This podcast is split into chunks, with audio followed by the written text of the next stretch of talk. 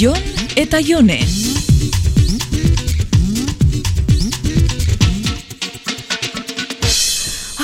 Segi, Jon, segi, segi, Da, zu argi itzaltzen. Eh, lagar gisa bakian, eta segi. Ah, Jon, Ze, Jon, zer. Jon, mm, ekarriko destazu baso batur? Kla. Ai, joder, Jon, baina noiz arte jarraitzu behar dozu, klatontakeri horrekin. Frigoan dezun urotza edo iturrikoa. Ba, itxurrikoakin nahikoa. Zeda soinu hori? Nik ez dut zentzuten. Bai, entzun? Zer, gabe, kalean edo non entzuten duzu. Ke ba? Baina zure erlojua da ta, Jon. Nire erlojua. Bai, entzun.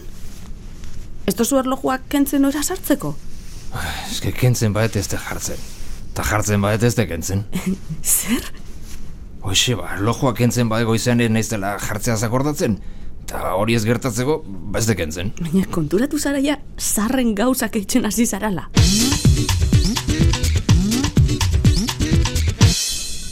Importakatzu gaur erlojuak entzia. Ez nekin hain tikizmiki zineni gauza hauekin. Ni tikizmikiz.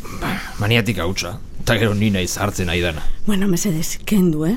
Ze paranoia sartu jataia soinutxo puta Bale, horrekin. bale, bale, baina zure ardura izango da, eh? Ai, nahi dozuna baina kendu. Kentzen baet, hemen gehatzeko aukera asko dago.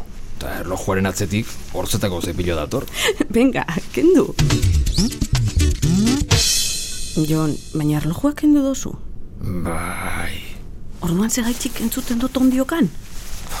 emakume bioniko azialako eta superentzumena daukazulako. Joder, Jon, baina mesillan lagadozuta. Eta non nahi dezuztea ba? Uh, sartu fraken poltsikoan edo, ez dakit banik, azkenian ez du lorik eingo. Bueno, ba, nahi zu berriro... Kieto parau, berandu da eta bixar goiz esnatu behar dut.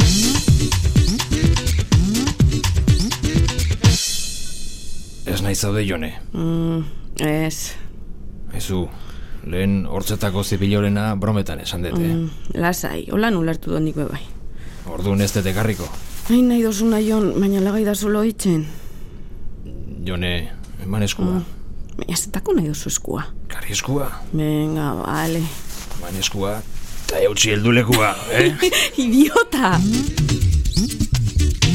Jon eta Jone.